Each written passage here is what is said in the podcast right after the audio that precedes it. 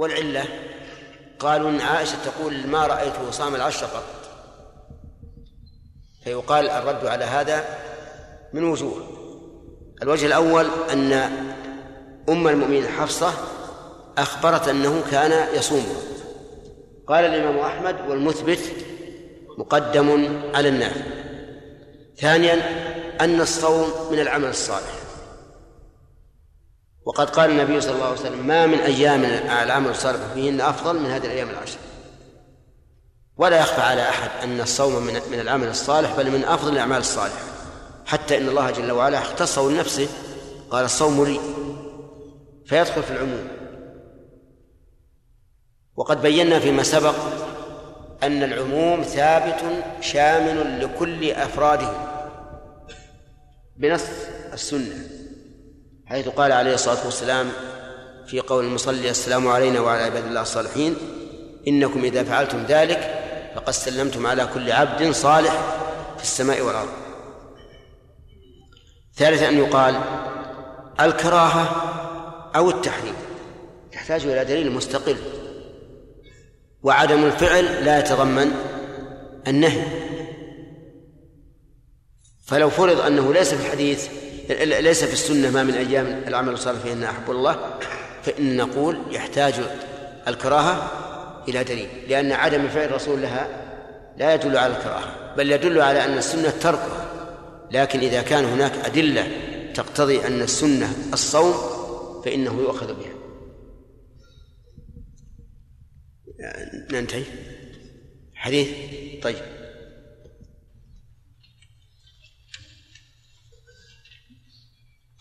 الله الرحمن الرحيم الحمد لله رب العالمين وصلى الله وسلم وبارك على عبده ورسوله نبينا محمد وعلى اله وصحبه اجمعين قال الامام الموفق ابو محمد رحمه الله تعالى في كتاب الصلاه في كتاب الكافي باب صلاه الكسوف وهي سنه مؤكده عند كسوف الشمس أو القمر لما روى أبو مسعود قال باب صلاة الكسوف هذا من باب إضافة الشيء إلى سببه. لا إلى زمنه. لكن صلاة الظهر من باب إضافة الشيء إلى زمنه. إذا لم نقل إن دخول الوقت سبب لوجوب الصلاة. والكسوف هو احتجاب ضوء الشمس أو القمر بما جعله الله تعالى حجابا. فالشمس تنحجب بالقمر يحول بينها وبين الأرض. والقمر ينحجب بالأرض تحول بينه وبين الشمس. وذلك أن نور القمر مستفاد من الشمس.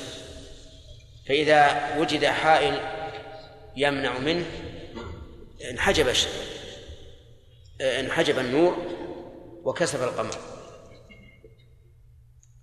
ولهذا تجدون الهلال أول أول ما يهل تجدونه ليس فيه نور لأن الجزء المقابل للشمس من القمر قليل جدا.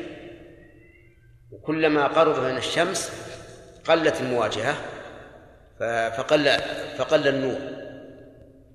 وتمام المواجهة في ليالي الإبدار ولهذا لا يمكن يوجد كسوف القمر بل خسوف الشمس إلا نعم كسوف القمر إلا في ليالي الإبدار ولا خسوف الشمس إلا في ليالي الاستسرار أي في آخر الشهر حيث يمكن أن يحول القمر بين الأرض وبين الشمس.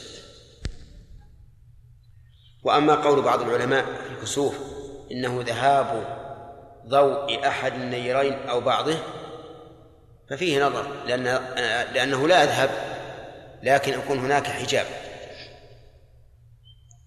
ثم إن للكسوف سببين سبب كوني وسبب شرعي. أما السبب الكوني فهو ما ذكرنا لكم. وهو وهو هذا السبب الحسي كسوف القمر سببه؟ إيش؟ أن الشمس تحول بينه أن الأرض تحول بينه وبين الشمس. كسوف الشمس أن القمر يحول بينها وبين الأرض. السبب الشرعي لا, لا نعلمه نحن. لكن علمناه رسول الله صلى الله عليه وعلى آله وسلم حيث قال إنهما لا ينكسفان لموت أحد ولا لحياته ولكن الله يخوف بهما عباده. وقول المؤلف عن صلاة الكسوف إنها سنة مؤكدة أفادنا ثلاث فوائد. الفائدة الأولى أنها ليست بواجبة والفائدة الثانية أنها ليست بسنة مطلقة. والفائدة الثالثة أنها سنة مؤكدة. والسنة المؤكدة أقوى من السنة المطلقة. وقد اصطلح الحنفيون أصحاب أبي حنيفة على تسمية الواجب بسنة بالسنة المؤكدة. فإذا قالوا سنة مؤكدة فهي بمعنى واجب. لكن عند الحنابلة وأكثر الأصوليين أن السنة المؤكدة هي التي يطلب منها يطلب فعلها بالتأكيد. والصحيح أن صلاة الكسوف واجبة. ودليل الوجوب أن النبي صلى الله عليه وعلى آله وسلم خرج فزعا. يجر رداءه وأمر بصلاة هي فزع. حتى قال الصلاة جامعة. واجتمع الناس كلهم. وصلى تلك الصلاة الطويلة. وعرض عليه ما عرض من آيات الله عز وجل من الجنة والنار. وأمر في بعض ألفاظ الحديث بالفزع إلى الصلاة. كأن عدوا أغار على المسلمين ففزعوا لدفعه وأمر بالصدقة والاستغفار والتكبير والعتق. وكل هذه القرائن تدل على أن صلاتها إيش؟ واجبة. وعلى الأقل أن نقول إنها فرض كفاية. لا فرض عين. أما أن يحصل الكسوف أو الخسوف ويبقى الناس في دنياهم بيعا وشراء وتمتعا وترفها وكأن شيئا لم يكن فهذا إن دل على شيء فإنما يدل على عدم المبالاة وعدم انصياع الناس إلى إلى تخويف الله عز وجل. فالصحيح أنها فرض وأقل ما نقول إنها فرض كفاية. فإن قال قائل أليس النبي صلى الله عليه وعلى آله وسلم ذكر الصلوات الخمس للأعرابي وقال هل غير هل علي غيرها؟ قال لا إلا أن تتطوع قلنا بلى. لكن مراد النبي عليه الصلاة والسلام بذلك الصلاة اليومية المتكررة. أما الصلاة التي لها سبب فهذه مقرونة بأسبابها. نعم. لما روى أبو مسعود قال قال رسول الله صلى الله عليه وسلم إن الشمس والقمر آيتان من آيات الله تعالى يخوف الله بهما عباده وإنهما لا, ينكس لا ينكسفان لموت أحد من الناس. فإذا رأيتم منها شيئا فصلوا وادعوا حتى ينكشف ما بكم. وعن عائشة قالت إنما قال لموت أحد من الناس لأن الشمس كسفت في عهد الرسول عليه الصلاة والسلام حين مات ابنه إبراهيم. وابنه إبراهيم مات وله ستة عشر شهرا. وحزن عليه الرسول عليه الصلاة والسلام. وفاضت عيناه. وقال العين تدمع والقلب يحزن ولا نقول إلا ما يرضي ربنا وإنا على فراقك أو قال بفراقك يا إبراهيم لمحزونون فقال الناس كسفت من موت إبراهيم لأن عندهم عقيدة فاسدة في الجاهلية أن الشمس والقمر لا ينكسفان إلا إذا مات عظيم أو ولد عظيم. فأبطل النبي صلى الله عليه وسلم هذه العقيدة لأنه لا أثر للحوادث الأرضية على الأحوال الفلكية. الأحوال الفلكية عليا مهما حدث في الأرض فإنه لا يؤثر فيها. لكن قد يعاقب الله أهل الأرض بأحوال فلكية كالصواعق والبرد وما أشبه ذلك. لكن أن تكون سببا فاعلا ما يحدث في الأرض حتى يتغير الجو هذا لا, ليس بصحيح أبدا. واستفدنا من قوله فإذا رأيتم فإذا رأيتموها نعم فإذا رأيتم منها شيئا أنه لو قدر أن الشمس كسفت بعد أن غابت فإنه إيش؟ لا صلاة. ولو كسفت قبل أن تخرج فلا صلاة. ولو كان هناك غيب ثقيل حجب حجب رؤيتها عنا فلا صلاة. حتى وإن علمنا بتقرير الفلكيين أن هناك كسوفا فإننا لا نأخذ بقولهم حتى نرى إذا رأيتموه. وقد يحجب الله سبحانه وتعالى رؤية الشمس كاسفة أو القمر رحمة بالناس. فيكون هذا حجابا من الله عز وجل أن يخوف هؤلاء القوم فلا فلا فلا تلزم الصلاة في هذا الحال. وقوله حتى ينكشف هل هي تعليل أو غاية؟ نعم. هل المعنى صلوا وادعوا لينكشف ما بكم أو استمروا في ذلك حتى ينكشف؟ نعم. هو في احتمال. احتمال هذا وهذا. فإن قلنا لينكشف فمعناه أننا نكتفي بأقل صلاة. لأننا أوجدنا السبب.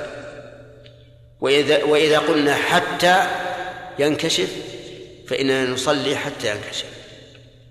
وعلى هذا فإذا علمنا أن الكسوف سيطول وقته فحينئذ نطيل في الصلاة.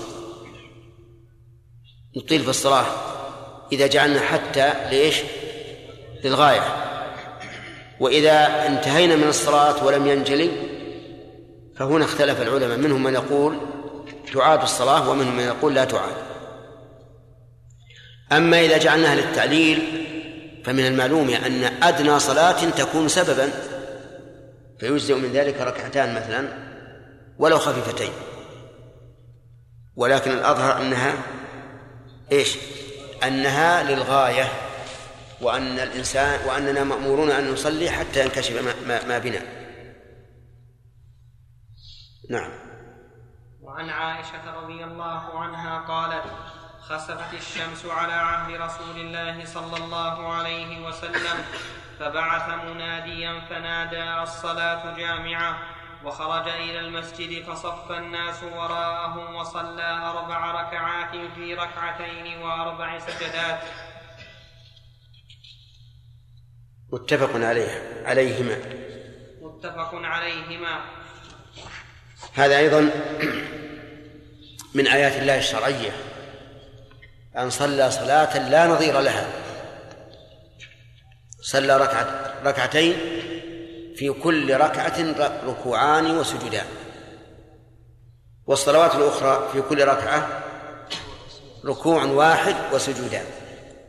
لكن لما كانت هذه الصلاة سببها آية كونية جعل النبي صلى الله عليه وسلم جعلها آية شرعية خارجة عن المألوف والمعهود. نعم. وتجوز جماعة وفرادا لإطلاق الأمر بها في حديث أبي مسعود. والجماعة أفضل لفعل النبي صلى الله عليه وسلم لها في جماعة وينادى لها الصلاة جامعة للحديث وتفعل في المسجد للخبر. ولأن في وقتها ضيقا فلو خرجوا إلى المصلى خيف فواتها نعم. هذه مسائل أولا. أن أن أن كونها جماعة أفضل لأن النبي صلى الله عليه وسلم نادى لها قال الصلاة جامعة وجمع بهم صلوات الله وسلامه عليه. وفي أيضا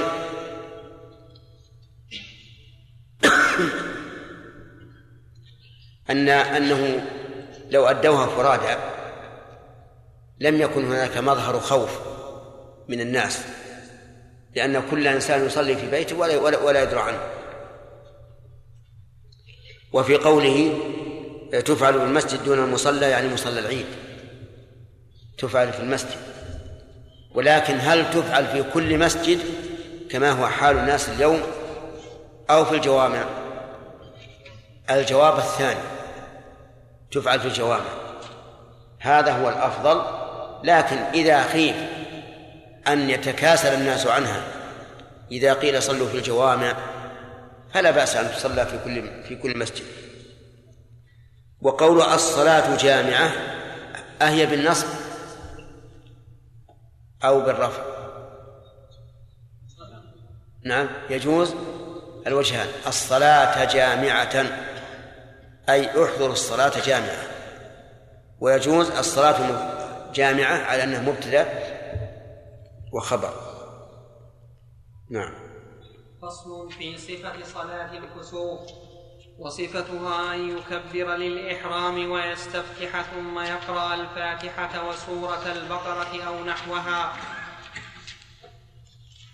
أو نحوها ثم يركع فيسبح ثم يركع فيسبح نحوا من مئة آية ثم أعد أعد وصفتها وصفتها أن يكبر للإحرام ويستفتح ثم عندي ثم. ثم يستفتح. عندكم بالواو لا خلوها نسخة.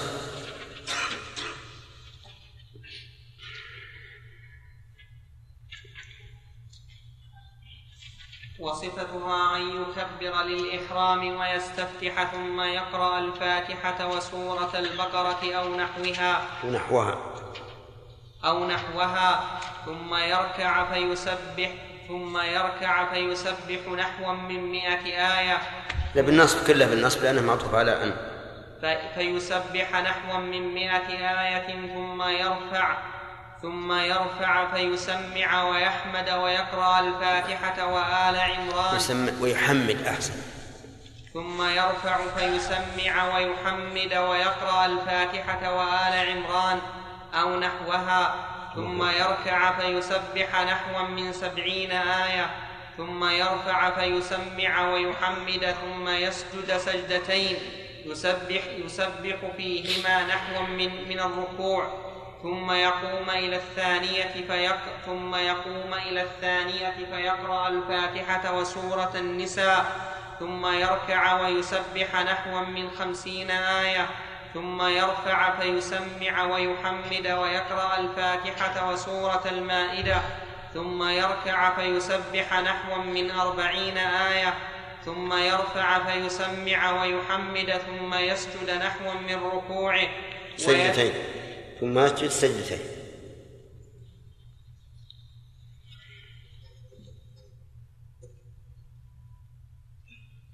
ثم يسجد سجدتين نحوا من ركوعه ويتشهد ويسلم. وليس هذا التقدير في القراءة في القراءة والتسبيح منقولا عن أحمد رضي الله عنه ولا هو متعين. وما وما وما قرأ به بعد أم الكتاب فيها أجزأه. لكن يستحب لكن يستحب ذلك ليقارب فعل النبي صلى الله عليه وسلم فيما روت عائشة رضي الله عنها. المؤلف رحمه الله معروف أنه مؤلف للكتاب على مذهب الإمام أحمد لكن لورعه لما ذكر هذا التقدير قال إنه ليس منصوصا عن الإمام أحمد. لئلا يظن الظان أن هذا منصوص عليه من كلام الإمام أحمد. ولكنه ليس منصوصا عليه. وعلى حسب تقييم المؤلف يكون الإنسان قرأ في صلاة الكسوف ستة أجزاء وربع تقريبا. و فإذا قال قائل هذا تطويل على الناس. قلنا من طال عليه القيام فل فليجلس. ولا نفوت المصلحة العامة من أجل هذا. وأيضا هي سنة. إذا قلنا فرض كفاية صارت فيما زاد عما عمن تحصل به من الكفاية سنة فإذا شاء انصرف. نعم. لكن يستحب ذلك ليقارب فعل النبي صلى الله عليه وسلم فيما روت عائشة فيما روت عائشة رضي الله عنها قالت قالت قال قالت خسفت الشمس. ما عندكم قال؟ لا قالت خسفت الشمس. فيما روت عائشة رضي الله عنها قالت خسفت الشمس في حياة رسول الله صلى الله عليه وسلم فخرج إلى المسجد فقام وكبر وصف الناس وراءه فقرأ رسول الله صلى الله عليه وسلم قراءة طويلة ثم كبر فركع ركوعا طويلا ثم رفع رأسه فقال سمع الله لمن حمده ربنا ولك الحمد. ثم قام فقرأ قراءة طويلة هي أدنى من القراءة الأولى ثم كبر فركع ركوعا هو أدنى من الركوع الأول ثم قال سمع الله لمن حمده ربنا ولك الحمد. ثم سجد ثم فعل في الركعة الأخرى مثل ذلك حتى استكمل أربع ركعات وأربع سجدات فانجلت الشمس متفق عليه. وفي رواية أخرى فرأيت أنه قرأ في الأولى بسورة البقرة وفي الثانية سو وفي الثانية سورة آل عمران ويجهر قولها فرأيت يعني ظننت. فرأى هنا بمعنى ظن. نعم. وفي الثانية سورة آل عمران ويجهر بالقراءة ليلا كان أو نهارا. لأن عائشة روت أن النبي صلى الله عليه وسلم جهر بها لأنها روت لأن عائشة روت أن النبي صلى الله عليه وسلم جهر في صلاة الخسوف. رواه أبو داود ولأنها صلاة شرع لها. نعم نعم. أن رواه أبو, أبو داود بنحوه. مسلم عندكم؟ هذه ترجع للمخرج إن شاء الله. يقول في المطبوعة أخرجه مسلم وفي متن الأصل رواه مسلم إلا أنه ملغى وفوقه خط ومصور في الهامش يرجع اللي يخرج إن شاء الله. ولأنها نعم.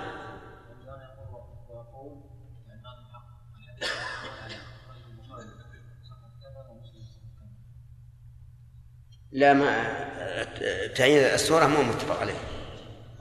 ولأنها صلاة شرع لها الجمع الكثير فسن لها الجهر كالعيد. وإن صلى في كل ركعة ثلاث ركوعات فإن قال قائل كيف تقدر بسورة البقرة؟ وهو قد جهر بها. لأنه يلزم من جهره بها أن تكون مسموعة معلومة. قلنا قد قد نعلم أن الإمام يقرأ جهرا ولكن لا ندري ماذا ماذا يقول لبعدنا عنه. وهذا كثيرا ما يقع. فلازم من سماع آه، الإمام أنه يجهر أن أن نسمع كل كلمة يقولها حتى نقول إنه قرأ بشيء معين. وإن نعم. صلى في كل ركعة ثلاث ركوعات على نحو ما ذكرنا جاز. المؤلف رحمه الله استدل على أن القراءة جهر لحديث عائشة. وعلل ذلك بأنها صلاة شرع لها الجمع الكثير فسن لها الجهر كالعيد. يعني وكالجمعة أيضا. وهذا يدل على أنه إذا كانت الصلاة مما يجتمع له فإنه يجهر بها. وذلك لأنه أقوى في الاتحاد. إذ أن هؤلاء الجمع الكثير ينصتون لإمام واحد وهذه والله أعلم هي الحكمة من كون بعض الصلوات النهارية جهرية لأنها تجمع الناس الكثير فيكون سكوتهم وإنصاتهم لهذا الإمام المعين أقوى في إيش؟ في الاتحاد على هذا الإمام. نعم. وإن صلى في كل ركعة.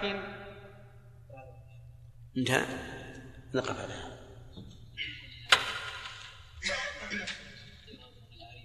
ها؟ وش ما هي؟ أصل سرية لكن إذا جمع الجمع الكثير صارت جهرية. حديث واحد. لمن؟ لا عدة أحاديث. عدة أحاديث. أعد أعد لأنه أشغلنا الميكروفون نعم. وإن صلى في كل ركعة ثلاث ركوعات. على نحو ما ذكرنا جاز لأن عائشة روت أن رسول الله صلى الله عليه وسلم صلى ست ركعات وأربع سجدات رواه مسلم.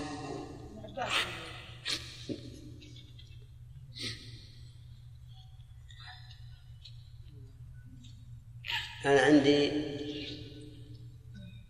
في الأول لأن عائشة لكن صحح قال لأن ابن عباس.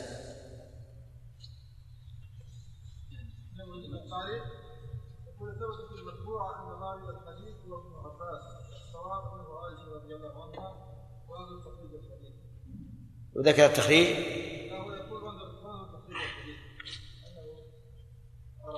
طيب يرجع يرجع ليه في التخريج إن شاء الله. وإن جعل في كل ركعة أربع ركوعات على كل حال هذا الحديث لا يصح سواء من حديث ابن عباس أو من حديث عائشة.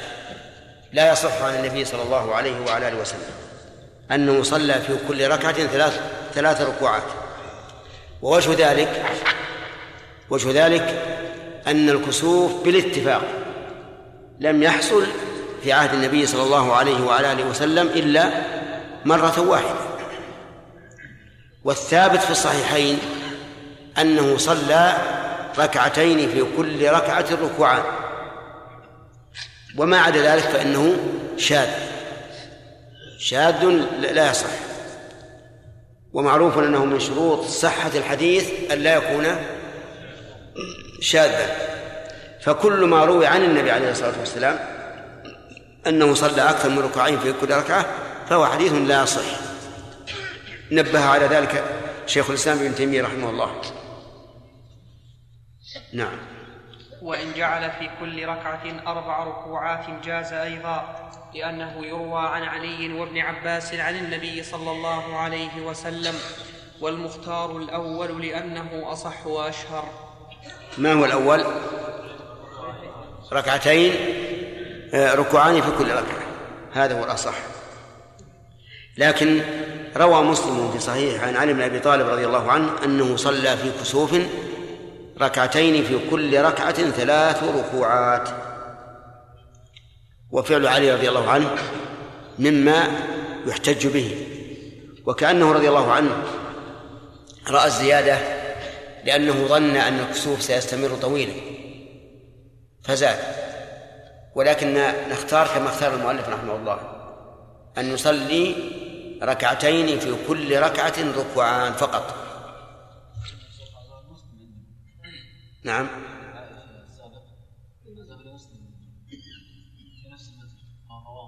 نعم. له عندنا مصحح عن ابن عباس وعند الأخ عبد الحميد يقول إنها آه، عن عائشة. فاللي خرج إن شاء الله قريب هذا سهل. موجود مسلم موجود. نعم. فصل في وقت صلاة الكسوف ووقتها من حين الكسوف إلى حين التجلي فإن فاتت لم تقض لقول النبي صلى الله عليه وسلم صلوا حتى يكشف الله ما بكم. وإن تجلت وهو في الصلاة أتمها وخففها وإن سلم قبل انجلائها لم يصل أخرى واشتغل بالذكر والدعاء وإن استترت بغيم صلى لأن الأصل بقاء الكسوف وإن غابت كاسفة فهو كانجلائها لأنه ذهب وقت الانتفاع بنورها وإن طلعت الشمس والقمر خاسف فكذلك لما ذكرنا. وإن غاب ليل يعني لا يصلى. يعني لا يصلى. فلو طلعت الشمس وخسف القمر فإنه لا يصلى لخسوفه لأنه ذهب وقت سلطانه ولأن ذلك لا يؤثر لأنه قد اتضح النهار. فلا يجب آه، آه، نعم فلا يصلى له. لكن هذا في الغالب نادر. نادر جدا لأن الغالب أن أن القمر يغيب قبل طلوع الشمس في زمن إيش؟ في زمن الإبدار هذا هو الغالب. لكن ربما يتأخر ويكون قريبا من المغرب أي من الغروب فتخرج الشمس قبل أن يغرب. نعم. وإن غاب ليلا وهو كاسر آه وطيب لو طلع الفجر ثم خسف القمر. يصلى أو لا؟ أما إذا قلنا بأن صلاة الكسوف لا تصلى في وقت النهي فإنه لا يصلى. لأنهم صلوا الفجر. وكذلك إن قلنا إن وقت النهي يدخل بطلوع الفجر فلا يصلى ولو كان قبل صلاة الفجر. لكن الصحيح أنه يصلى. إذا خسف بعد الفجر قبل الصلاة أو بعد الصلاة مباشرة فإنه يصلى لأن ذلك يظهر أثره في الجو. بخلاف ما إذا طلعت الشمس فإنه لا يظهر له أثر. نعم. فإن غاب ليلا وهو كاسف لم يصل كالشمس إذا غابت وقال القاضي يصلي لأن وقت سلطانه باق. والصواب الصواب الأول أنه إذا كسف بعد بعد غروبه فإنه لا يصلى. نعم. فصل في الخطبة لصلاة الكسوف. وقال القاضي ولم يذكر لها أحمد خطبة ولا رأيته لأحد من أصحابنا. وذلك لأن النبي صلى الله عليه وسلم أمرنا بالصلاة دون الخطبة. وقال بعض العلماء إن لها خطبة بعدية راتبة لأن النبي صلى الله عليه وعلى آله وسلم صلى وخطب ولأن الحاجة داعية إلى التذكير ووعظ الناس فيكون لها خطبة ويخطب قائما كما يخطب قائما في خطبة الجمعة. والذي يظهر أنه لا ينبغي أن يفوت الخطبة لأن الناس في حاجة إلى ذلك لا سيما في مثل عهدنا حيث أن الناس غفلوا وأعرضوا ولم يهتموا بهذه الأمور. نعم. فصل في اجتماع الكسوف والجنازة. وإذا اجتمع الكسوف والجنازة بدأ بالجنازة لأنه يخاف عليها. وإن اجتمع مع المكتوبة في آخر وقتها بدأ بها لأنها آكد. وإن كان في أول وقتها بدأ بصلاة الكسوف لأنه يخشى فواتها وإن اجتمع هو والوتر وخيف فواتهما بدأ بالكسوف لأنه آكد. لأنه آكد ولأنه يمكن قضاء الوتر بخلاف الكسوف. الوتر إذا فات لعذر شرعي فإنه يقضى في النهار والكسوف لا يقضى ففيه سببان.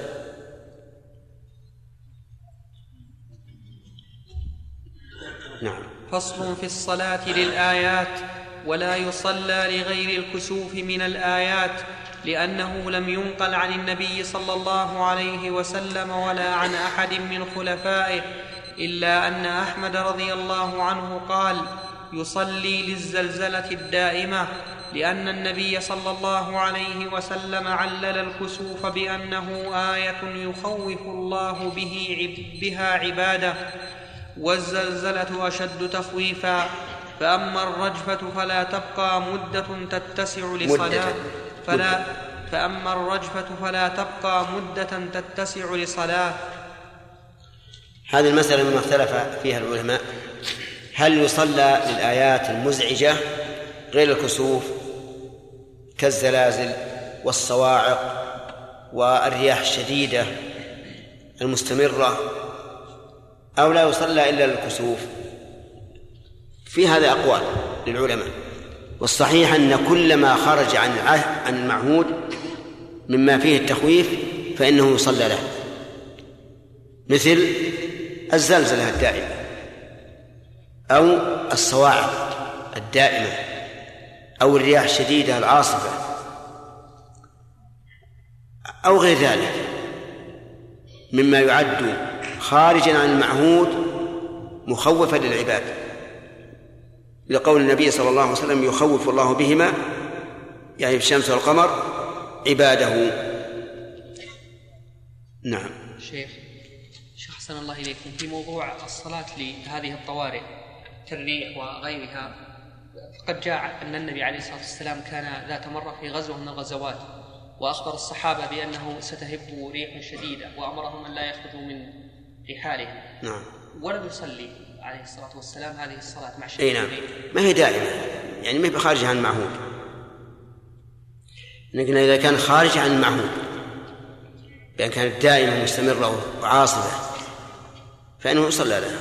وكذلك الرعد الشديد الصواعق وغير ذلك كل ما يخوف الله به العباد مما خرج عن المعهود فإنه يصلى نعم.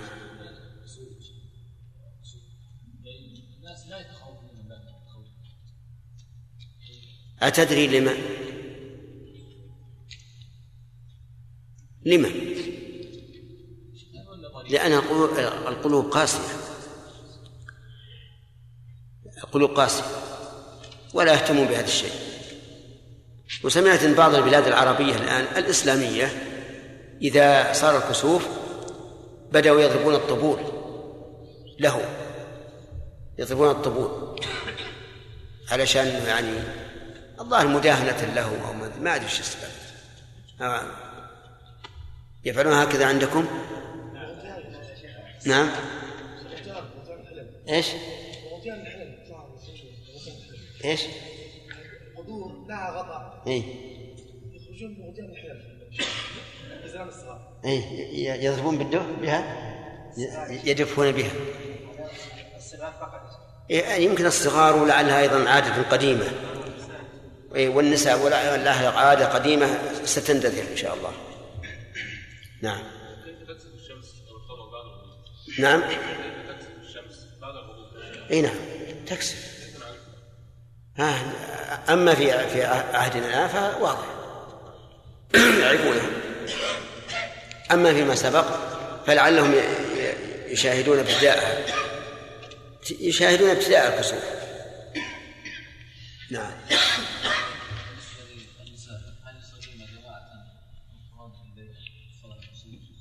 لا بأس لا بأس أن تصلي النساء جماعة أو فرادى لا إتيانهن المسجد أحسن لأن نساء الصحابة حضرن. وقد يقال إن نساء الصحابة حضرن كالعادة وبيوتهن خير لهن. لكن تنظر المصلحة إن رأت انه إنها إذا حضرت المسجد أخشى لها فلتحضر.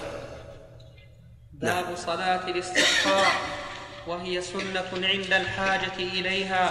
لما روى عبد الله بن زيد قال خرج النبي صلى الله عليه وسلم يستسقي فتوجه إلى القبلة يدعو وحول رداءه وصلى ركعتين جهر فيهما بالقراءة متفق عليه.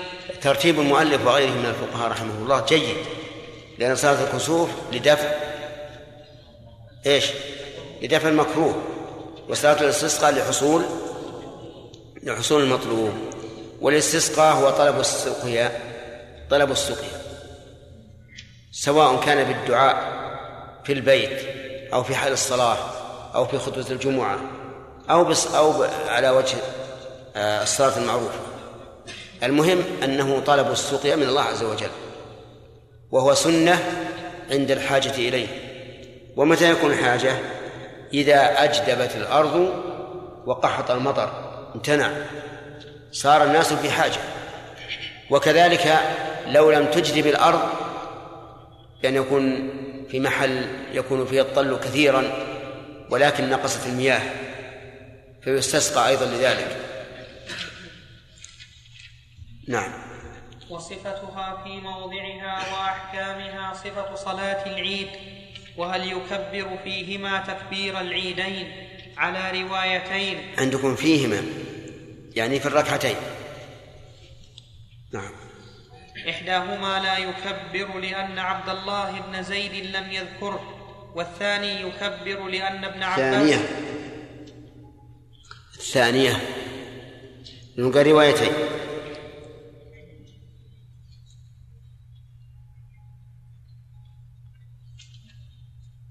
والثانية يكبر لأن ابن عباس روى أن النبي صلى الله عليه وسلم صلى ركعتين كما يصلي في العيدين.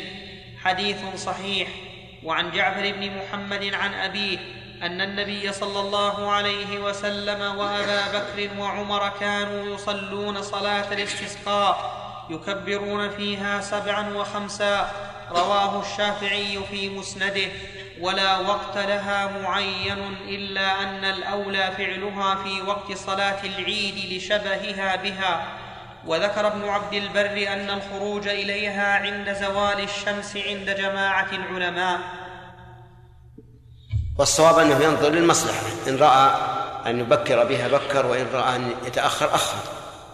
لأنه ليس فيها شيء يراعى في صلاة العيدين يراعى في عيد الفطر إيش؟ زكاة الفطر فتؤخر الصلاة. وفي عيد الأضحى يراعى ذبح الأضحية فتقدم الصلاة. لكن هذا ليس هناك شيء يراعى فينظر للمصلحة إذا كان الجو باردا فالأرفق بالناس إيش؟ أن يتأخر. وإن كان العكس فالأرفق بالناس أن يتقدم. فينظر للمصلحة نعم. فصل في إذن الإمام للاستسقاء وفي إذن الإمام روايتان بناء على صلاة العيد إحداهما هو شرط لها. قال أبو بكر فإن خرجوا بغير إذن الإمام صلوا ودعوا بغير خطبة. والثانية يصلون ويخطب بهم أحدهم. والأولى للإمام إذا أراد الاستسقاء أن يعظ الناس. ويأمرهم بتقوى الله والخروج عن المظالم خروجي. والخروج عن المظالم خروجي بالكسر. والخروج عن المظالم والتوبة من المعاصي أنا عندي من المظالم. كذا عندكم؟ لا من أحسن. وعن جائزة تأخذونها تبقى على ما هي عليه وتكون نسخة من من المظالم. والخروج من المظالم والتوبة من المعاصي وتحليل بعضهم بعضا والصيام والصدقة وترك التشاحن لأن المعاصي سبب القحط والتقوى سبب البركات. قال الله تعالى ولو أن أهل القرى آمنوا واتقوا لفتحنا عليهم بركات من السماء والأرض ولكن كذبوا فأخذناهم بما كانوا يكسبون. ويعد الناس يوما يخرجون فيه ويأمرهم أن يخرجوا على الصفة التي خرج عليها رسول الله صلى الله عليه وسلم. ذكر المؤلف رحمه الله أنه ينبغي الامام أن يعظ الناس ويذكرهم ويعدهم يوم يخرجون فيه ويأمرهم بالصدقة ويأمرهم أيضا بالصوم. وكل ما ذكره حسن. إلا الصوم فإنه لم يرد. أنه يكون سببا لنزول الأمطار. الصدقة سبب لنزول المطر. ولهذا جاء في الحديث ما منع قوم زكاة أموالهم إلا منعوا القطر من السماء. وأما الصوم فلا لأن الرسول عليه الصلاة والسلام لم يأمر به.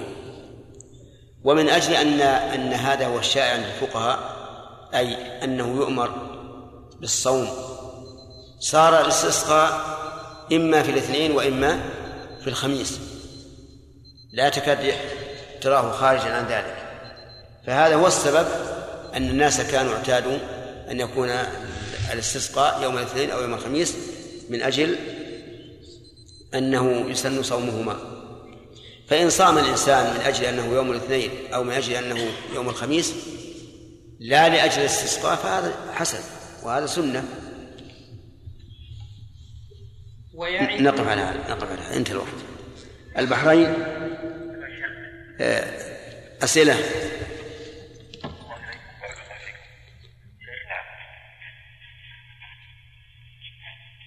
أحسن الله إليك نعم. شيخنا بالنسبة لصلاة آه، الخسوف آه، قول النبي صلى الله عليه وسلم صلوا حتى ينجلي. إذا صلينا ركعتين ولم ينجلي فهل؟ كما سمعت في الكافي قبل قليل أنها لا تعاد الصلاة. ولكن يشتغلون بالاستغفار والتوبة وقراءة القرآن والذكر وما أشبه ذلك. وقال بعض أهل وقال بعض العلماء بل يصلي أيضا. لأن قول الرسول صلوا وادعوا حتى ينكشف ما بكم يعم تكرار الصلاة إذا إذا لم تنجل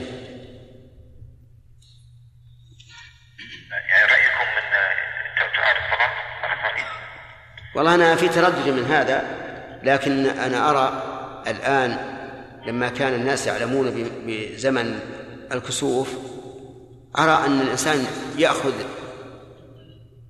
احتياطه من من الأول بمعنى أنه يطيل القراءة ويطيل الركوع والسجود.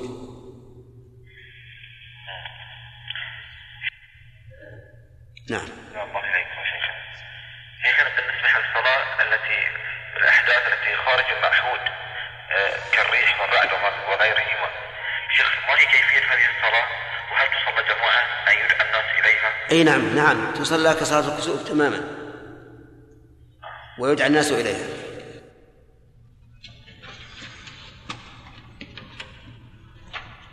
سم بالله بسم الله الرحمن الرحيم. الحمد لله رب العالمين. وصلى الله وسلم وبارك على عبده ورسوله نبينا محمد وعلى آله وصحبه أجمعين. قال الإمام الموفق أبو محمد رحمه الله تعالى في كتاب الصلاة في كتاب الكافي فصل في أذان الإمام للاستسقاء فصل في إذن الإمام للاستسقاء. ويعد الناس يوما يخرجون فيه. ويأمرهم أن يخرجوا على الصفة التي خرج عليها رسول الله صلى الله عليه وسلم. قال ابن عباس خرج رسول الله صلى الله عليه وسلم للاستسقاء متبذلا متواضعا متخشعا متضرعا. حتى أتى المصلى فلم يخطب كخطبتكم هذه ولكن لم يزل في الدعاء والتضرع والتكبير وصلى ركعتين كما كان يصلي في العيد. هذا حديث صحيح ويسن التنظيف وإزالة الرائحة لئلا يؤذي. لأل... ويسن التنظيف وإزالة الرائحة لئلا يؤذي الناس بها ولا ولا ولا يلبس ثياب زينة ولا يتطيب لأن هذا يوم استكانة وخضوع وكما ذكر ابن عباس رضي الله عنهما أنه خرج متواضعا متخشعا متخشعا متضرعا وهذا ينافيه التجمل أو التطيب. فالأولى أن يخرج كعادته لكن إن كان فيه أذى من رائحة منتنة أو ما أشبه ذلك فليزلها لأنه سوف يجتمع بالناس. فصل في من يخرج لصلاة الاستسقاء. ويخرج الشيوخ والصبيان ومن له ذكر جميل ودين وصلاح لأنه أسرع للإجابة ويستحب أن يستسقي الإمام الصواب أنه يخرج جميع الناس. الصواب أنه يخرج جميع الناس. الصغار والكبار من شيوخ وغلمان وكهول كل يخرج. لأنه إذا كان هؤلاء أقرب بالإجابة فعندنا حديث أن الشاب الذي نشأ في طاعة الله ممن يظلهم الله في ظله يوم لا ظل إلا ظله. فالصواب أن يقال. أنه يخرج جميع الناس الشيوخ والكهول والصبيان. نعم. ويستحب أن يستسقي الإمام بمن ظهر صلاحه. لأن عمر رضي الله عنه استسقى بالعباس عم رسول الله صلى الله عليه وسلم واستسقى معاوية والضحاك بيزيد بن, بيزيد بن الأسود بن الأسود الجرشي. وروي أن معاوية أمر يزيد بن الأسود فصعد المنبر فقعد فقعد عند رجليه فقال معاوية اللهم إنا نستشفع إليك بخيرنا وأفضلنا. اللهم إنا نستشفع إليك بيزيد بن الأسود الجرشي. يا يزيد ارفع يديك إلى الله. فرفع يديه ورفع الناس أيديهم. فما كان بأوشك من أن ثارت سحابة في الغرب كأنها ترس. وهب لها ريح فسقوا حتى كاد الناس ألا يبلغوا منازلهم. الله نعم وهذا كما قال إنه ينبغي أن يستسقي بأهل الصلاح الذين ترجى إجابتهم لفعل أمير المؤمنين عمر بن الخطاب رضي الله عنه مع أن عمر أفضل الأمة لكن لقرابة العباس من رسول الله صلى الله عليه وسلم قدمه. وهذا مشروط بما إذا لم يخش فتنة للذي أقامه الإمام أن يستسقي للناس. فإن خشي بذلك فتنة كما هو الغالب في عهدنا فإنه لا يفعل. لأنه إذا قدر أن هذا الذي أقامه الإمام يستسقي أجاب الله دعاءه ونزل المطر. صار فتنة للناس. وصار الناس يتوسلون به في كل حال. فإذا خيفت الفتنة فإننا لا نتعرض لأمور يحصل بها فتنة الناس أو فتنة من أقامه الإمام مقامه. لا نرتكب هذا خوفا من الفتنة. أما ما ذكره عن استسقاء معاوية رضي الله عنه بالضحاك بن يزيد ففيه من آيات الله عز وجل ما هو ظاهر. نعم؟ نعم. لا استسقى معاوية نعم والضحاك بيزيد بن أسود. يزيد بن أسود فهذا فيه من آيات الله عز وجل ما هو ظاهر وقد وقع مثله قبله للنبي صلى الله عليه وسلم حين استسقى في خطبة الجمعة. فما نزل من منبره إلا والمطر يتحادر من لحيته عليه الصلاة والسلام. نعم. ولا يستحب إخراج البهائم لأن النبي صلى الله عليه وسلم لم يخرجها ولا إخراج الكفار لأنهم أعداء الله فلا يتوسل بهم فإن خرجوا لم يمنعوا لأنهم يطلبون رزقهم ويفردون عن المسلمين بحيث إن أصابهم عذاب لم يصب غيرهم. لكنهم يفردون عن المسلمين في المكان لا في الزمان. يعني يكون اليوم واحدا لكن هؤلاء في جهة والمسلمون في جهة. لأن إفرادهم بزمان ربما يصيب قضاء وقدرا في نزول المطر في, في اليوم الذي استسقى فيه الكفار. فيحصل بذلك فتنة عظيمة. ويقال أجيب الكفار ولم يجب المسلمون. ولهذا يقال قول المؤلف يفردون عن المسلمين مراده بالمكان ويدل عليه التعليل قال بحيث إن أصابهم عذاب لم يصب غيره. نعم. فصل في الخطبة لصلاة الاستسقاء واختلفت الرواية في الخطبة فروي أنه لا يخطب وإنما يدعو لقول ابن عباس لم يخطب خطبتكم هذه. وروي كخطبتكم.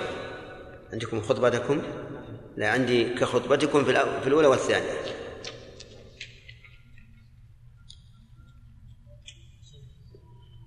نسخة.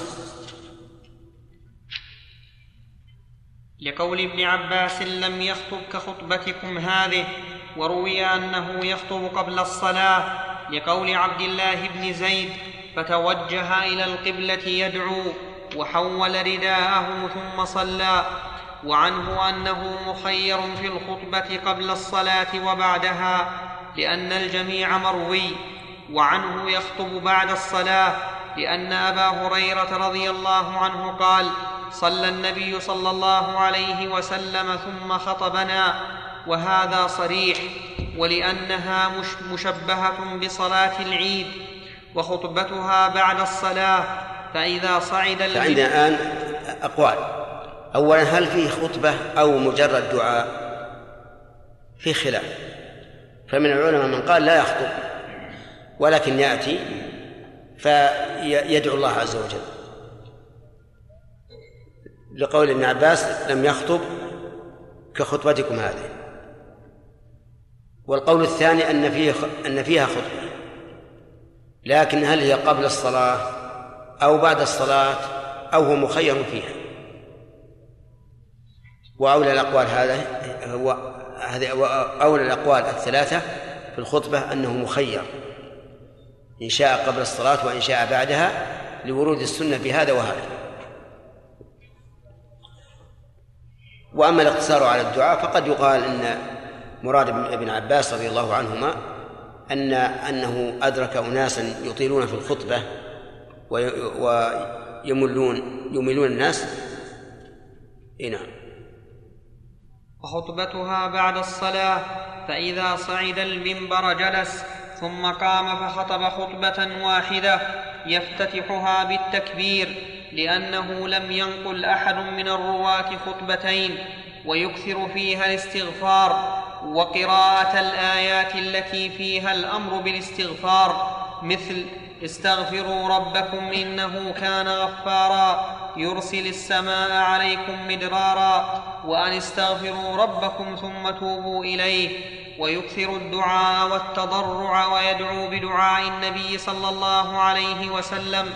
وقد روى ابن قتيبة بإسناده عن أنس أن النبي صلى الله عليه وسلم خرج إلى الاستسقاء فتقدم فصلى ركعتين يجهر فيهما بالقراءة. فلما قضى صلاته استقبل القوم بوجهه وقلب رداءه ورفع, ورفع يديه وكبر تكبيرة قبل أن يستسقي. ثم قال اللهم أسقنا وأغثنا اللهم أسقنا غيثا مغيثا وحيا ربيعا وجدا طبقا غدقا مغدقا مونقا هنيئا مريئا مريعا مربعا مرتعا سابلا مسبلا مجللا. لا مسبلا.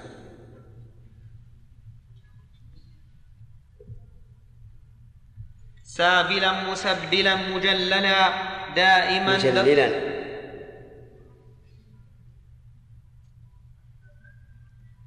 سابلا مسبلا مجللا دائما درورا نافعا غير ضار. ع... ها؟ كيف؟ عندي دائما. عندكم دائما؟ ديما؟ ديما. أظن لا لا. الدائم والديم معناها المستمر. دائما درورا نافعا غير ضار عاجلا غير رائث اللهم تحيي به البلاد وتغيث به العباد وتجعله بلاغا للحاضر منا والباد. اللهم أنزل في أرضنا زينتها وأنزل في أرضنا سكنها. اللهم أنزل علينا من السماء ماء طهورا فأحي به بلدة ميتا وأسقه مما خلقت لنا أنعاما واناسا ما, ما فيها لنا؟ مما خلقت أنعاما. ما فيها لنا؟ مما خلقت أنعاما. وأسقه مما خلقت أنعاما وأناسيا كثيرا. عندكم لنا؟ لا الآية ما فيها لنا ويسقيه مما خلقنا أنعاما وأناسيا كثيرا نعم. حذف لنا يحذف لنا. وأسقي مما خلقت أنعاما. ها؟ النسخة الثانية؟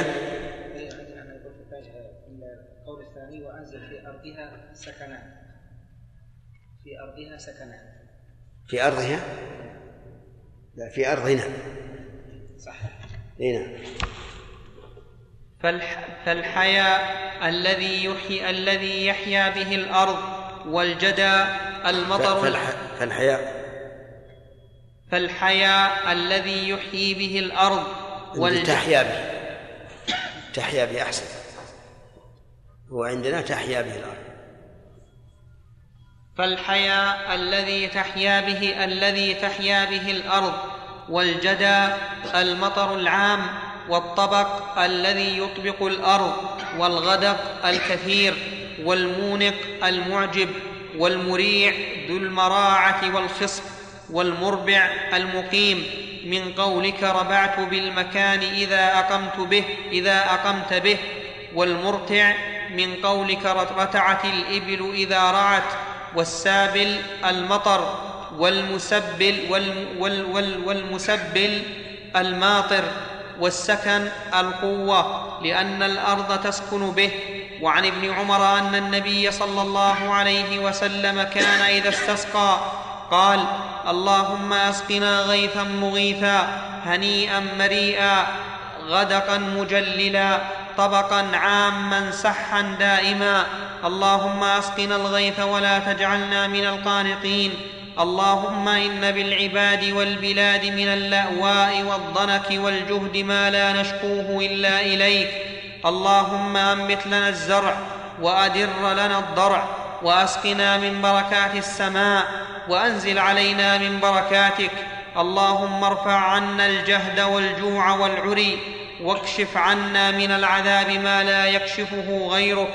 اللهم إنا نستغفرك إنك كنت غفارا. فأرسل السماء علينا مدرارا ويستقبل القبلة في أثناء الخطبة ويحول رداءه يجعل اليمين يسارا واليسار يمينا كما فعل النبي صلى الله عليه وسلم تفاؤلا أن يحول الله الجدب تعالى خصبا ولا يجعل أعلاه ولا يجعل اعلى تفاؤلا تفاؤلا أن يحول الله الجدب تعالى. أن يحول الله تعالى. فيها تقديم وتأخير معنى تعالى. طيب. تفاؤلا أن يحول الله الله تعالى الجدب خصبا. ولا يجعل أعلاه ولا يجعل أعلاه ولا يجعل أعلاه أعلاه أسفله. لأن النبي صلى الله عليه وسلم لم يفعل ويدعو الله في استقباله. قال بعضهم الفائدة من قلب الرداء ثلاث فوائد. الفائدة الأولى اتباع سنة النبي صلى الله عليه وعلى آله وسلم. والفائدة الثانية التفاؤل. والفائدة الثالثة الإشعار بأن الإنسان سوف ينتقل من حال إلى أخرى. من لباس إلى لباس لباس المعاصي إلى لباس التقوى. وهذه مناسبة جيدة. قد تكون مساوية لمناسبة التفاؤل أو أعظم. فيكون في ذلك ثلاث فوائد. ولكن هل هذا خاص بالرداء وما شابهه كالعباة؟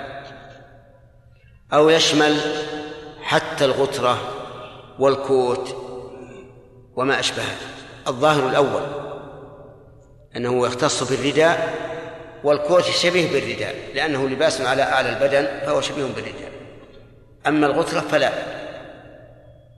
الغترة لا لأنها كالعمامة ولم ينقل عن من سلف أنهم كانوا يقلبون العمائم فتبقى الغترة كما هي عليه. ولأن الغترة ليست لباس بدن بل هي لباس الرأس نعم؟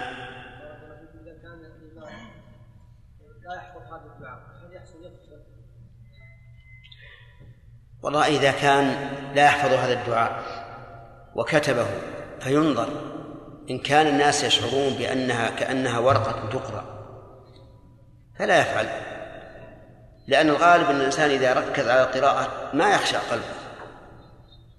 يصير همه إقامة اللفظ المكتوب فقط. وربما لو دعا بدعاء من عنده صار أشد تضرعا إلى الله عز وجل وأشد انفعالا في الدعاء. لكن إذا بقي يقرأ هذه الصحيفة ما يكون عنده ذاك التأثير في الدعاء. اللهم إلا أن يسلك طريقة خاصة بحيث مثلا إذا دعا وكما هو السنة أن يرفع يديه يكون رافعا الصحيفة بيديه وهو قد شدها إلى فوق فقد يحصل في هذا فائدة. لكن لو كرر اللهم أغثنا اللهم أغثنا الرسول قالها ثلاث مرات في خطبة الجمعة. وهذه الآية أيضا ربما يقال أنها تحتاج إلى إلى تخريج وتحرير. هل هي ثابتة عن الرسول عليه الصلاة والسلام أو لا؟ نعم. سليم. دعاء الناس اليوم يقول الله اللهم ارفع وبعض معنى يدعون هو واقع اي لا لا لا لا, لا تدعو إلا بشيء واقع. لا لأن الإنسان إذا دعا بشيء غير واقع والله قد أنعم عليه بوجوده صار هذا اعتداء في الدعاء. لا بد من يكون واقعا. نعم. إيش؟ إيش؟ إي نعم. إذا حصل يمنع لأن هذا سنة والتكشف محرم. لكن إذا كانت النساء بعيدة في طرف مصلى كبير وغالبا النساء والحمد لله عليهن ثياب ليست ثياب تبرج. فهذا يشرع لها. ثلاثة؟ و... ها؟ ما هو؟ إيش؟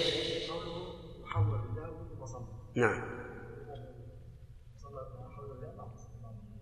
كيف؟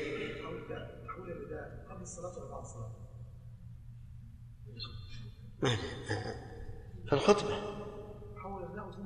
اي ثم يعني بعد انتهاء من الخطبة صلى نعم. إيه.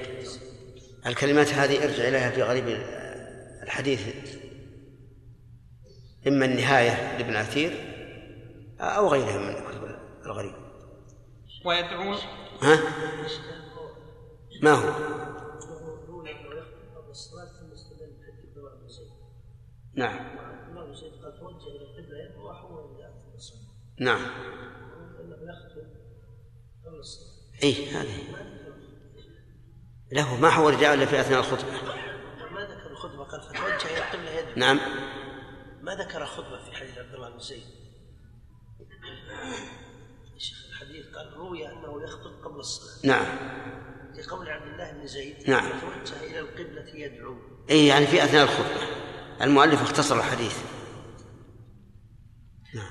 ويدعو الله في استقباله فيقول اللهم إنك أمرتنا بدعائك ووعدتنا إجابة إجابتك وقد دعوناك كما أمرتنا فاستجب لنا كما وعدتنا لأن عبد الله بن زيد روى أن النبي صلى الله عليه وسلم خرج إلى المصلى يستسقي فاستقبل القبلة ودعا وحول رداءه وجعل الأيمن على الأيسر والأيسر على الأيمن ويرفع يديه لأن أنسا قال كان النبي صلى الله عليه وسلم لا يرفع يديه في شيء من الدعاء إلا في الاستسقاء كان يرفع يديه حتى يرى بياض إبطيه. متفق عليه. فإن هذا الحديث ليس على عمومه لا يرفع يديه في شيء من الدعاء بل هو محمول على أحد أمرين. إما أن المعنى لا يرفع يديه في شيء من الدعاء يعني حال الخطبة. وإما أن المراد لا يرفع يديه رفعا آه، كثيرا إلا في الاستسقاء. وكلا الوجهين صحيح. وحينئذ لا نحتاج إلى أن يقال إن هذا الحديث يعارضه أحاديث كثيرة تزيد على الثلاثين ثبتت عن النبي صلى الله عليه وعلى آله وسلم أنه كان يرفع يديه في الدعاء. نقول لا حاجة ولا وجه ولا ولا وليس هناك تعارض.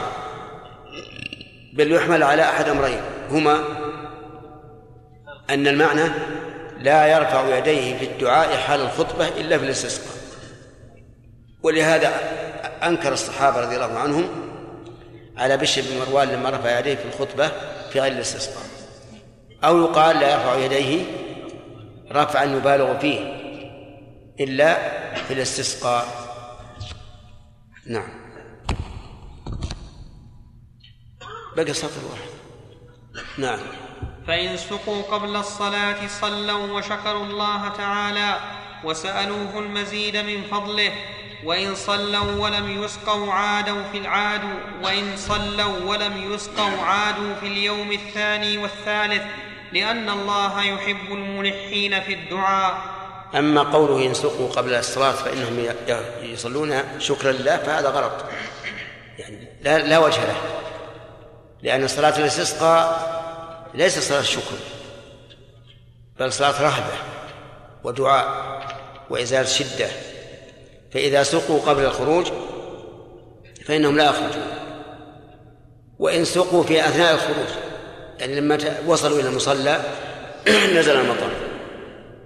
فهنا يحتمل أن يقال يصلون لأن ابتداء المجيء إلى الصلاة كان السبب موجودا ويحتمل أن يقال لا يصلون بل يقال يقول لهم الإمام انصرفوا فقد سقانا الله تعالى.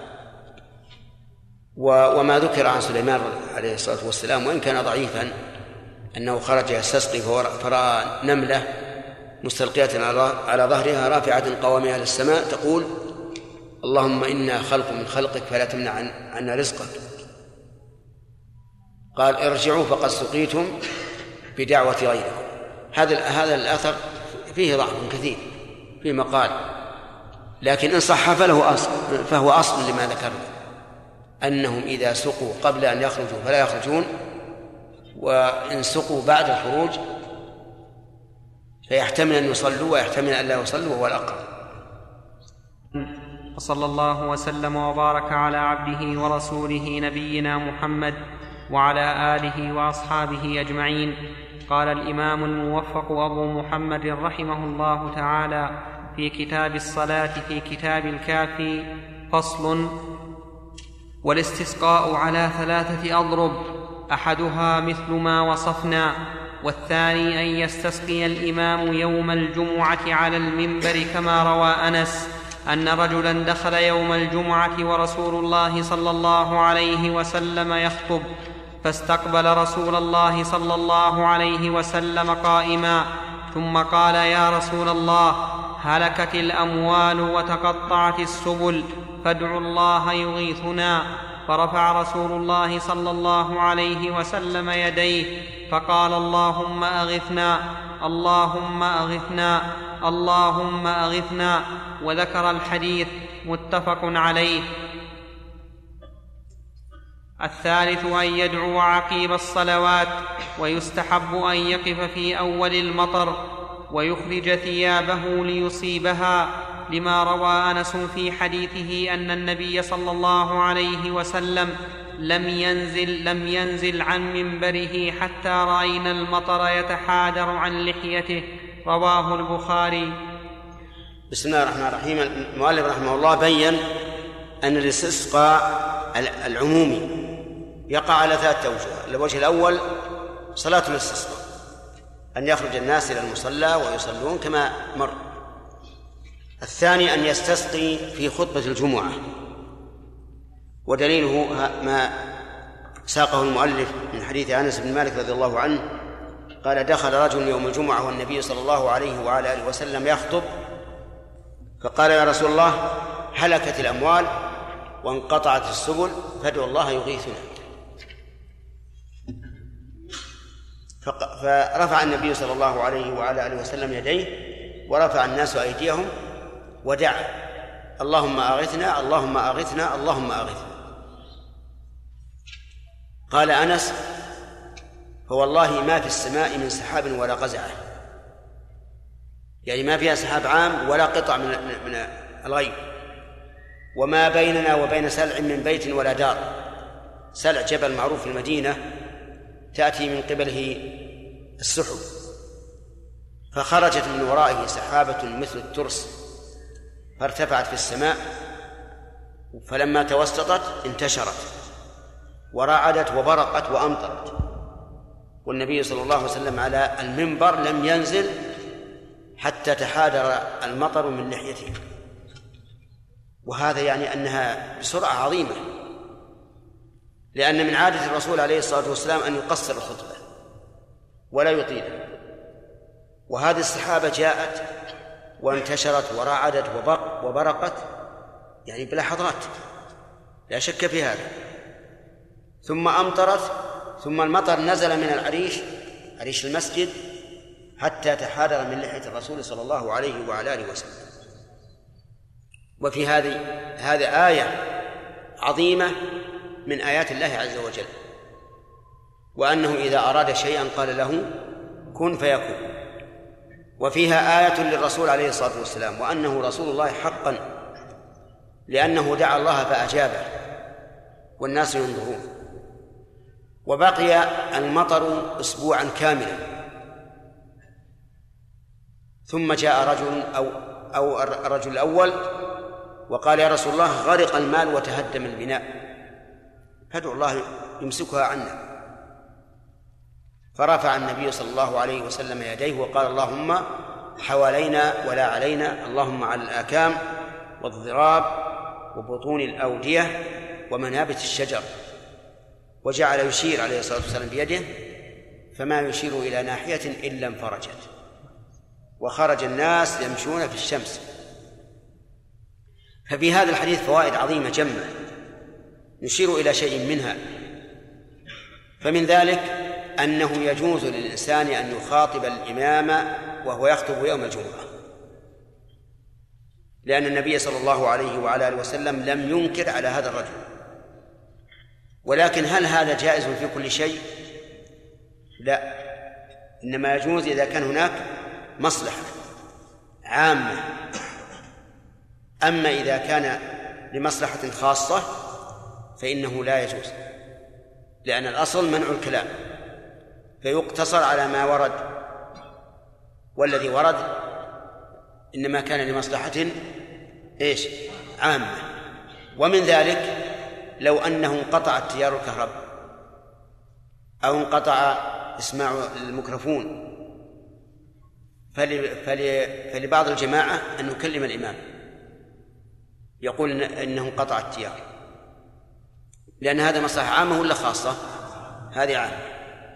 ومن فوائد هذا الحديث أن الإنسان إذا استسقى في خطبة الجمعة رفع يديه ورفع الناس أيديهم لأن هذا هو الذي وقع من رسول الله صلى الله عليه وعلى آله وسلم.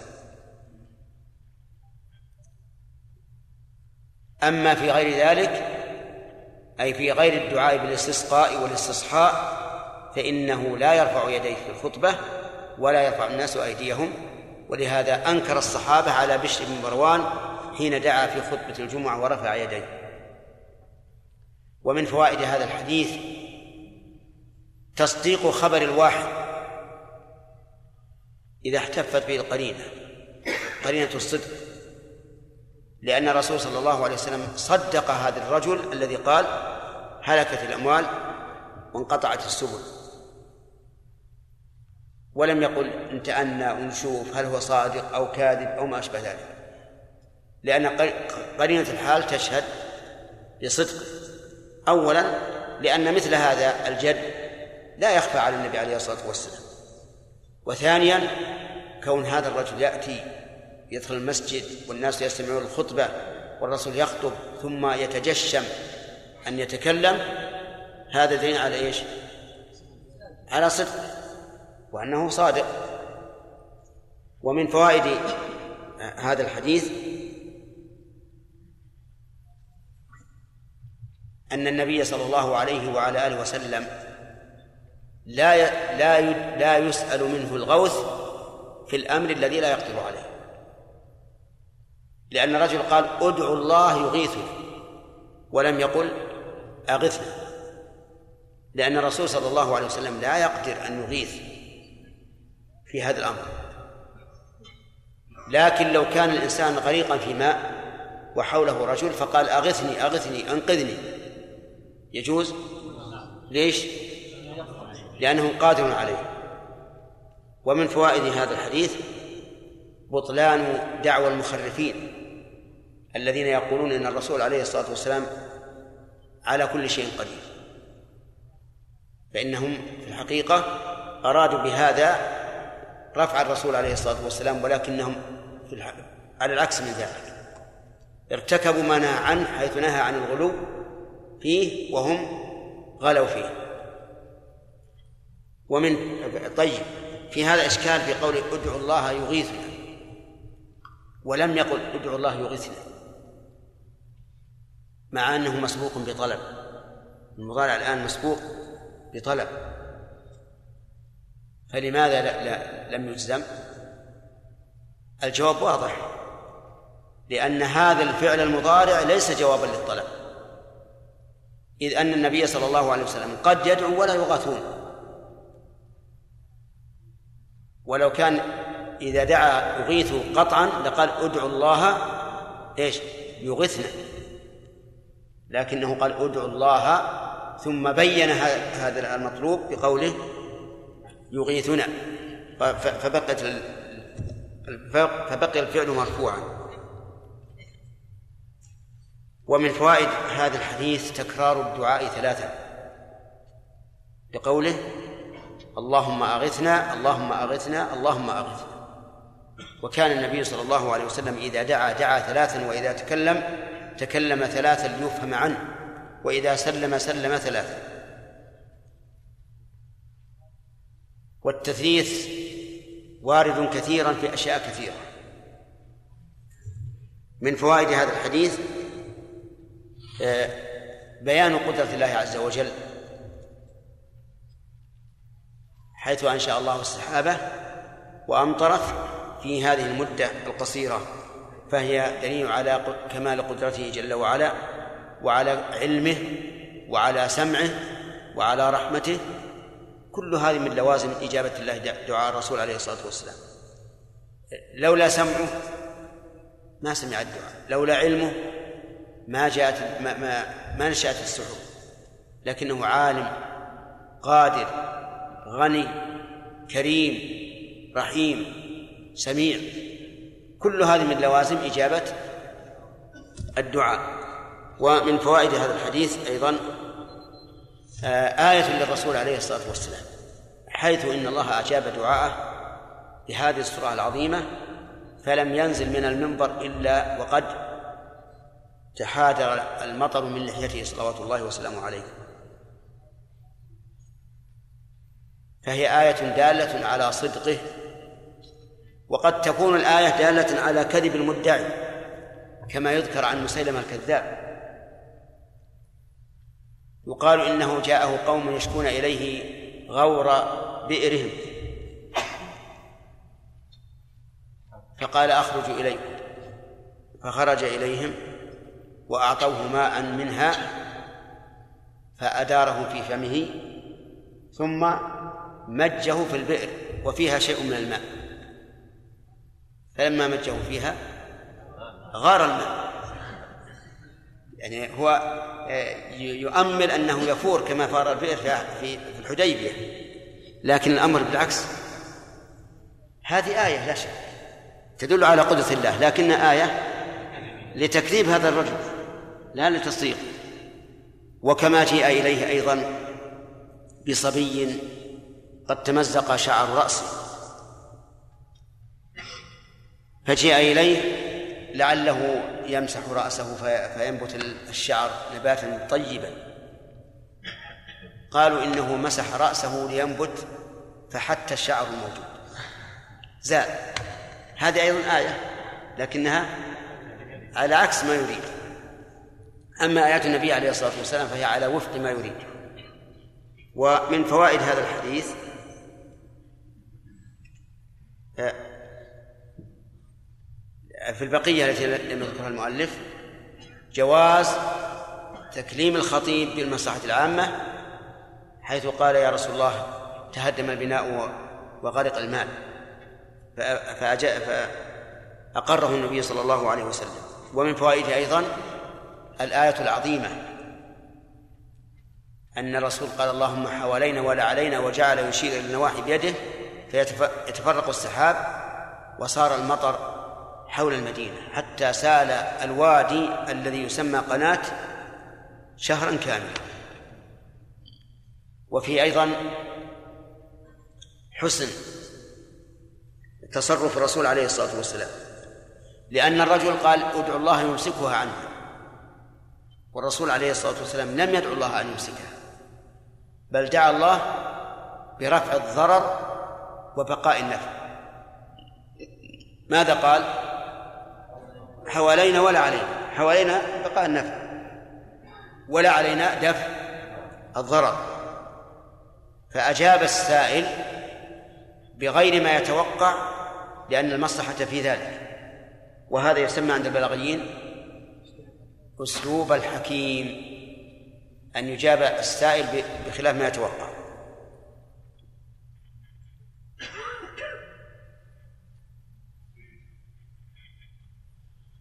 ثم إن في دعاء الرسول عليه الصلاة والسلام أيضا آه، ملاحظة مهمة.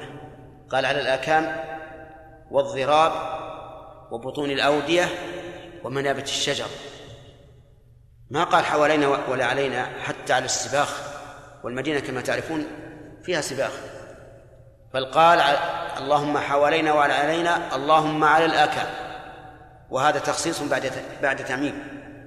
على الآكام والضراب وبطون الأودية ومنابت الشجر. الآكام الجبال.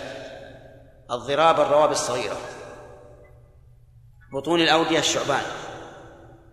منابت الشجر الرياض. الأراضي الرياض التي ينبت فيها الشجر.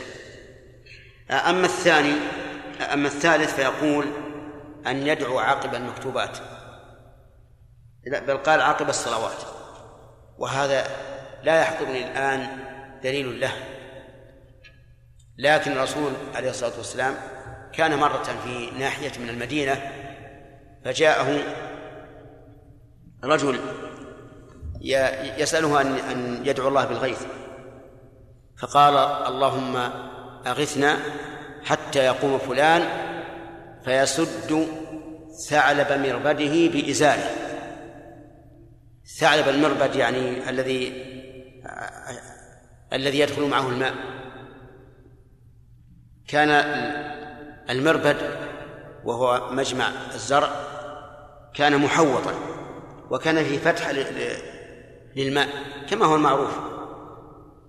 فأمطرت السماء وأمطرت وأمطرت وخاف الناس. فجاءوا لهذا الرجل وقالوا إن الرسول عليه الصلاة والسلام سأل الله السقيا حتى تقوم وتسد مربد. ثعلب مربدك بإزارك. قال قم. المطر ضرنا فقام الرجل فسد ثعلب مربده بإزاره فوقفت السماء. سبحان الله. هذه من آيات الله أيضا. ثم إن هناك أيضا آه، مواضع غير هذه. آه، السؤال في حال السجود في آخر الليل وسؤال أيضا في حال الإنسان يشعر بالاضطرار إلى نزول الغيث لأنه كلما كان الإنسان في ضرورة كانت إجابة الدعاء أقرب. حتى الكافر الذي هو كافر ويعلم الله أنه سيكفر إذا دعا الله في حال الضرورة نعم أجاب إذا ركبوا في الفلك فغشهم موج كالظلل دعوا الله مخلصين له الدين فينجيه ثم ذكر المؤلف أنه يستحب أن يقف في أول المطر ويخرج ثيابه ليصيبه لما روى أنس رضي الله عنه في حديثه أن النبي صلى الله عليه وسلم لم ينزل عن المنبر حتى رأينا المطر يتحدر من لحيته. الاستدلال بهذا الحديث فيه نظر لأن الرسول عليه الصلاة والسلام لم يتقصد أن يبقى على المنبر حتى ينزل المطر على رأسه ولحيته. لكن هناك أدلة أخرى فإن الرسول عليه الصلاة والسلام إذا نزل المطر حسر عن ثوبه حتى يصيب بدنه ويقول إنه حديث عهد بربه. يعني خلق الآن. هذا الذي يستدل به. وقوله في أول المطر هل المراد في أول مطرة تأتي في السنة؟ أو أول ما يبدأ المطر الثاني. المراد الثاني. نعم. فصل. إيش؟ لم يزل على منبره. لا لم ينزل عن منبره. نعم. فصل. فإن كثر المطر بحيث يضره. الفوائد اللي في حديث أنس لم نستوعبها. يعني لا تظنوا أن ما ذكرناه هو كل الفوائد. في فوائد كثيرة.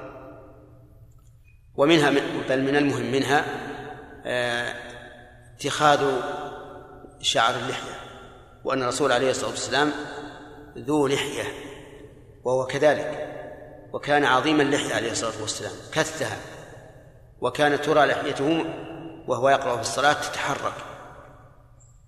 اللهم صل وسلم عليه. نعم. أقرأ.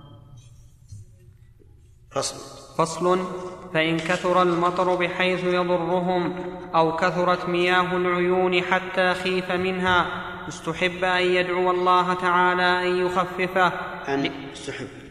استحب أن يدعو الله تعالى أن استحب. يخففه استحب.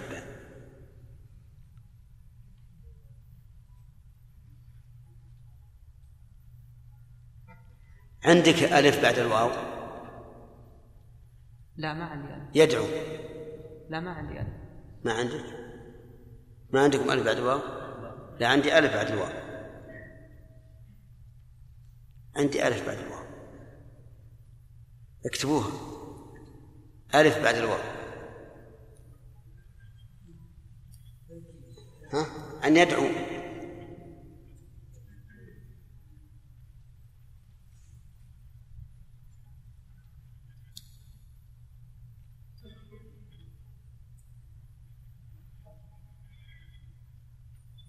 وعلى ذلك تكون أن يدعو الأولى الثالث آه، كيف؟ نعم.